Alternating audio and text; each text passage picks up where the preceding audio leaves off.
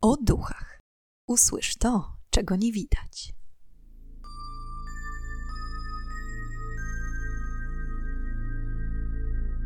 Witam i pytam, czego dusza pragnie. Strasznie miło mi gościć Was na moim kanale. W dzisiejszym odcinku przyjrzymy się horrorom, których fabuła w większym lub mniejszym stopniu została zainspirowana prawdziwymi wydarzeniami. Czy widzieliście je wszystkie? Czy wiedzieliście, jakie historie kryją się za fantazją scenarzystów? Ostrzegam również, że odcinek ten może zaspoilerować Wam omawiane dziś filmy, więc uważajcie i ewentualnie przewijajcie omawianie tych, których jeszcze nie widzieliście, a planujecie zobaczyć. Jeśli jesteście ciekawi dzisiejszego odcinka, to już bez przedłużania zapraszam do wysłuchania dzisiejszej historii. Pokuszę się o stwierdzenie, że każdy z nas tutaj słuchających uwielbia oglądać horrory. Wieczór, na zewnątrz buro i ponuro, choć akurat w środku lata na szczęście o to trudno. Niemniej każdy z nas ma czasami taki dzień, kiedy jedyne o czym marzymy to zwinąć się w kocyk z chipsami lub popcornem i obejrzeć dobry horror. A jak wiadomo, straszne filmy ogląda się z automatu lepiej zawsze wtedy, kiedy wiemy, że filmy te zostały oparte na prawdziwych wydarzeniach. Dziś przedstawię Wam pokrótce pięć takich filmów. Nie ukrywam, że marzy mi się zrobić osobne odcinki na temat każdego z nich i mam nadzieję, że po wakacjach będę mogła się tym zająć. Jest to też pierwsza część tego typu odcinków, a że horrorów opartych na faktach jest wiele, to z pewnością ten odcinek nie będzie ostatnim z tej serii. Pierwszym i z pewnością znanym większości z Was filmem jest film Egzorcysta. Film w reżyserii Williama Friedkina miał swoją premierę w 1973 roku. Jak głosi film web, którym pozwoliłam się dziś posiłkować, film opowiada o kilkuletniej dziewczynce Regan, córce aktorki Chris McNeil. W pewnym momencie swojego życia Regan zaczyna zachowywać się dziwnie. Jest opryskliwa, a z czasem i agresywna. Zaniepokojona Chris prosi lekarzy o pomoc. Jednak ku ich zdziwieniu, diagnoza nie wykazuje żadnych odchyleń od normy. Kiedy zachowanie córki z dnia na dzień ulega pogorszeniu, zrozpaczona Chris zaczyna szukać pomocy także u miejscowego księdza. Młody duchowny, ojciec Karras, po przeprowadzonej obserwacji uznaje, że Regan prawdopodobnie została opętana przez demona. Aby uratować dziewczynkę, zwołuje do pomocy doświadczonego egzorcystę ojca Merrina. W prawdziwej wersji historii akcja miała miejsce w 1949 roku, kiedy to 14-letni chłopiec imieniem Roland Doe, nazywany też prasę Robim, mieszkający w Cottage City w stanie Maryland, został opętany przez nieznaną nikomu istotę. Do samego opętania doszło w dość popularny sposób. Mianowicie w rodzinie chłopca niestraszne i nieobce były zjawiska paranormalne. Dlatego też, kiedy Roland poprosił ciocię, aby ta sprawiła mu na urodziny tablicę Wia, ta bez wahania mu ją podarowała. Jest to kolejny przypadek, w którym nieumiejętne posługiwanie się tym przedmiotem doprowadziło do tragedii. Po pewnym czasie Roland zaczął zachowywać się dziwnie, a jego odbiegające od normy postępowanie skłoniło rodziców do zgłoszenia się po pomoc do lokalnej parafii. Nie minęło wiele czasu, a księża zgodnie stwierdzili, że chłopiec został opętany przez złe moce. W lutym 1949 roku rozpoczęto sesję egzorcyzmów, które według świadków były tak straszne, że postanowiono napisać o nich książkę. Książka powstała w 1971 roku. Jej autorem jest William Blatty i nosi tytuł Egzorcysta. I właśnie na jej podstawie powstał film o tym samym tytule. Roland przeżył egzorcyzmy, a po nich wiódł zaskakująco udane życie aż do 2020 roku, kiedy to zmarł miesiąc przed swoimi 86 urodzinami.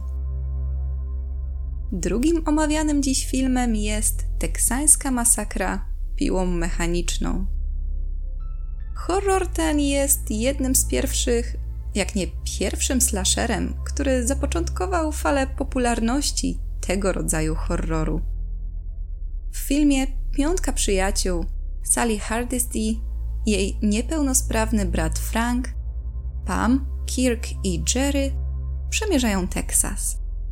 Są wakacje, a w Teksasie stoi opuszczony dom dziadków Franka i Sally. Przyjaciele chcą spędzić w nim trochę czasu, rozerwać się i nieco poimprezować.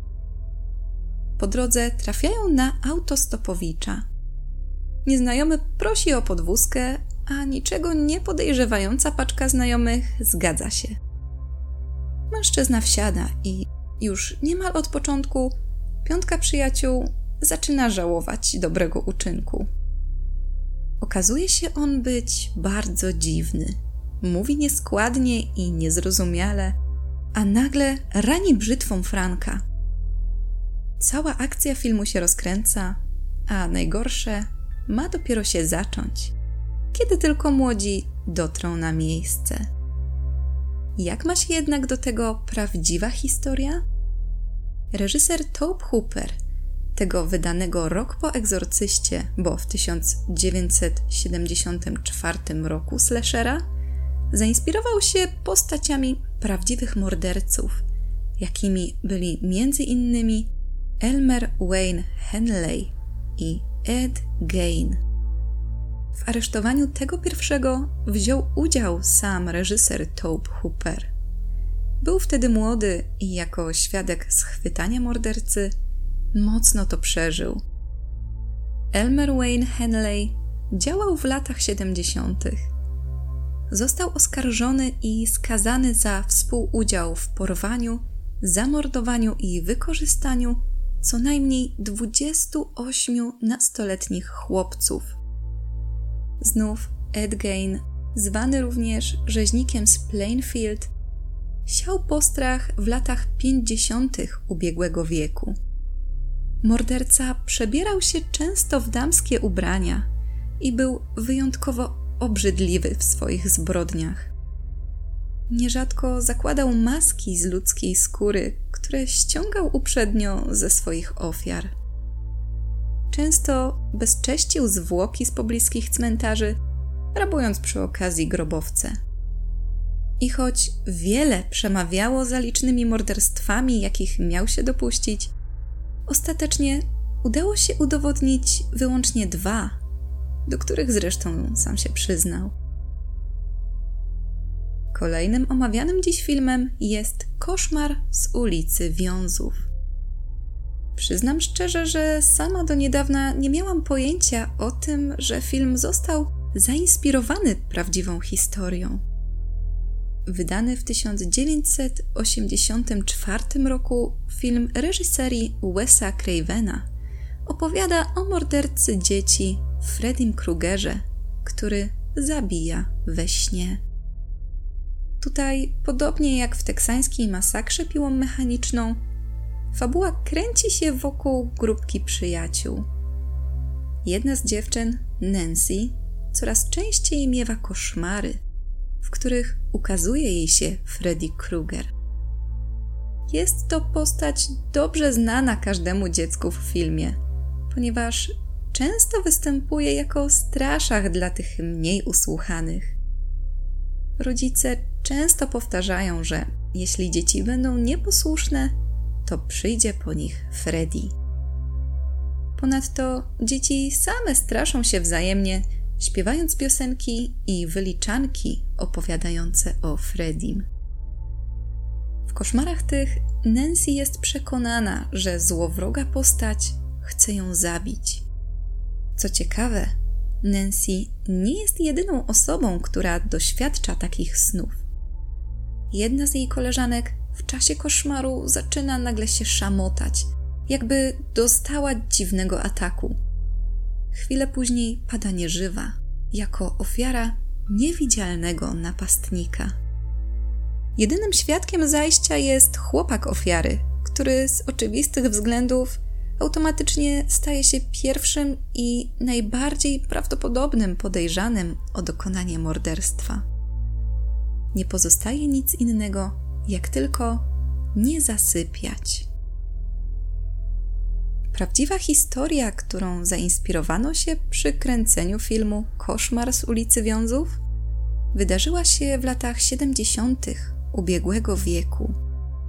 Jak opisywał reżyser Wes Craven, wpadł na pomysł stworzenia horroru po tym, jak przeczytał artykuł w gazecie Los Angeles Time, w którym opisano rodzinę, która przeżyła pola śmierci w Kambodży. Był to trwający od 1975 do 1979 roku akt masowego ludobójstwa, mający miejsce podczas panowania i reżimu czerwonych Khmerów. Po ocaleniu rodzina dotarła do Stanów Zjednoczonych. Niestety, po przeżytej traumie syna rodziny niemal co noc nękały nocne koszmary.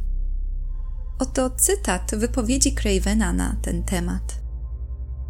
Powiedział rodzicom, że boi się, że jeśli będzie spał, dopadnie go to, co go ściga. Więc starał się nie zasypiać całymi dniami i nocami. Kiedy w końcu zasnął, jego rodzice myśleli, że kryzys się skończył. Potem jednak usłyszeli krzyki w środku nocy. Zanim do niego dotarli, był już martwy. Zginął w środku koszmaru. Oto młodzieniec, mający wizję horroru, któremu wszyscy dorośli zaprzeczali. Wydarzenie to stało się centralną linią koszmaru na ulicy Wiązów. Przed ostatnim opisywanym przeze mnie dzisiaj filmem jest film pod tytułem Dziewczyna z sąsiedztwa. I chodzi tutaj o film powstały w 2007 roku, ponieważ wiem, że film o tym samym tytule powstał również w 2004 roku. Ale uwierzcie mi, ten drugi opowiada o czymś zupełnie innym. Dziewczyna z sąsiedztwa została oparta na tragicznych wydarzeniach mających miejsce w 1965 roku. W filmie dowiadujemy się, że po stracie rodziców Meg oraz jej niepełnosprawna siostra Susan zamieszkują u dalekiej krewnej ciotki Ruth.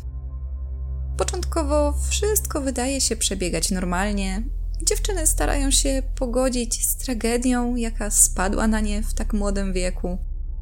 Meg zaprzyjaźnia się również z chłopcem sąsiedztwa, Davidem, a ciocia Ruth wydaje się być dobrą i kochającą kobietą. Z czasem wszystko się jednak zmienia, a daleka krewna zaczyna stosować wobec dziewczynek coraz to surowsze kary – finalnie doprowadzając do ogromnej tragedii. Tak jak powiedziałam wcześniej, prawdziwa historia miała miejsce w 1965 roku.